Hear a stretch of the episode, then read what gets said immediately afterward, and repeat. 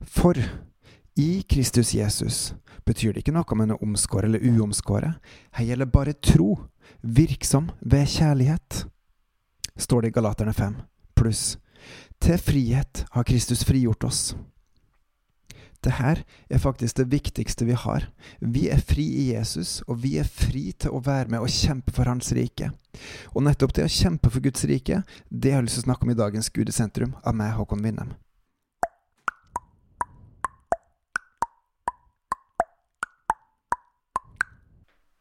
Jeg har tidligere snakket om Bebels, og den andre i den er rett og slett å be. Under B så har jeg laga ny huskeregel som handler om å p-sikt, som er å påkalle, snakke med han, involvere han, kjempe og tilbe han. Og helt grunnleggende så er jo det å be er å snakke med Gud. I dag så har jeg lyst til å fokusere litt mer på det å kjempe. For hva skal vi kjempe for? For ganske mange år siden nå så var jeg i Sverige, eh, og fikk da treff på bl.a. et par hvor mora hadde hatt eh, kreft. De var vel da oppe i 50-årene, vil jeg tro. Det som eh, viser seg ganske tydelig under det besøket, var at de virkelig kunne be. Tidligere så hadde nok de vært blant de som satt med eh, fingrene for, fint folda i, i, fanget, og satt på stolen og ba rolig og stille, én og én.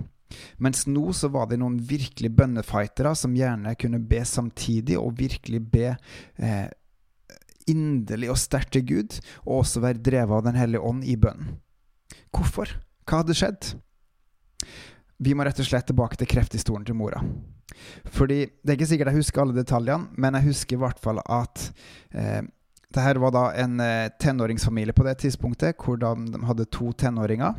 Eh, og mora da fikk på et tidspunkt beskjed om at hun hadde kreft.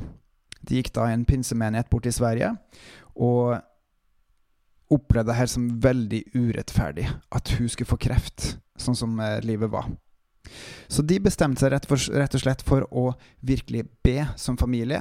Be til Gud og klage og mase på Gud, akkurat som dommeren i eh, Lukas 18.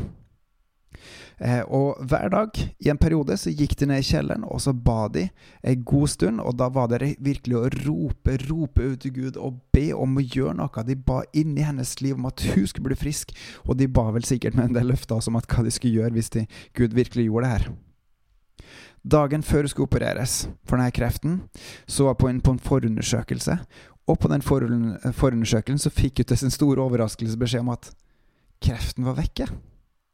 Jeg vet at Gud ikke gjør sånn her i alle tilfeller. Jeg har sjøl hatt en slektning som var virkelig brant for Gud, som opplevde at kreften vant til slutt.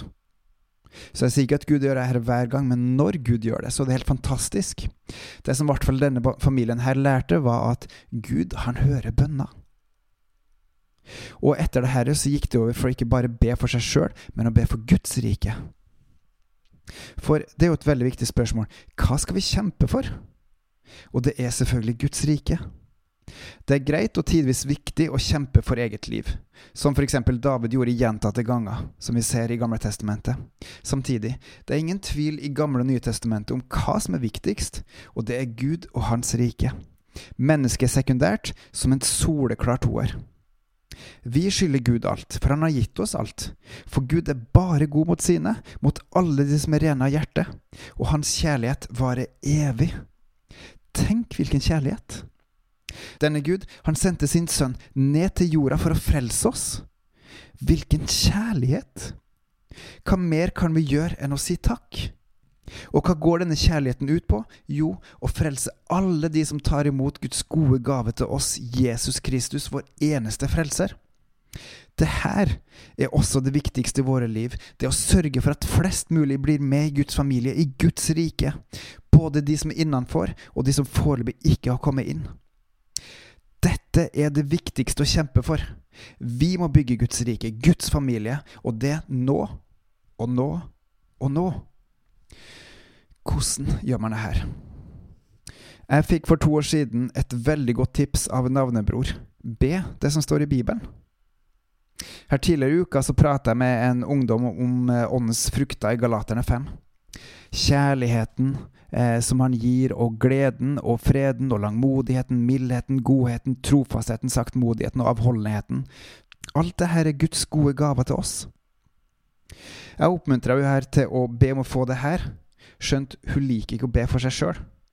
Å be for seg sjøl kan være viktig, som et slags nybegynnersteg, men Bibelen har et større fokus oss. Vi er familie. Derfor må vi be for familien, og det er selvfølgelig inkludert en sjøl. Der syntes den unge dama var mye bedre. Ikke at den skulle be om at den sjøl skulle få åndens kjærlighet, glede med mer, men om at vi, Guds folk, alle, skal bli fylt av alle disse gavene som Ånden gir til hver den som ber Han.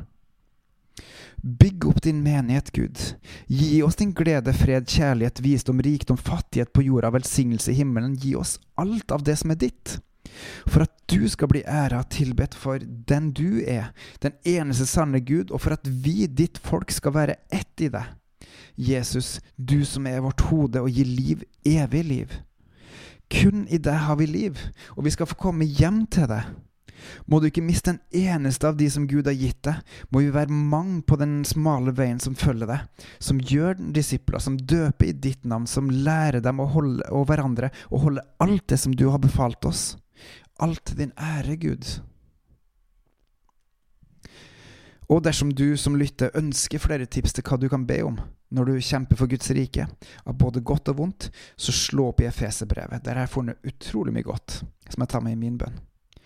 Omformuler det som en bønn til Gud om at vi skal kjenne sannheten, Hans nåde og evangeliet. At vi skal bli bygd opp i kjærligheten, at vi skal ha Gud som forbilde og bli og være sterk i Han. Alltid med Gud i sentrum. På gjenhør og bebels.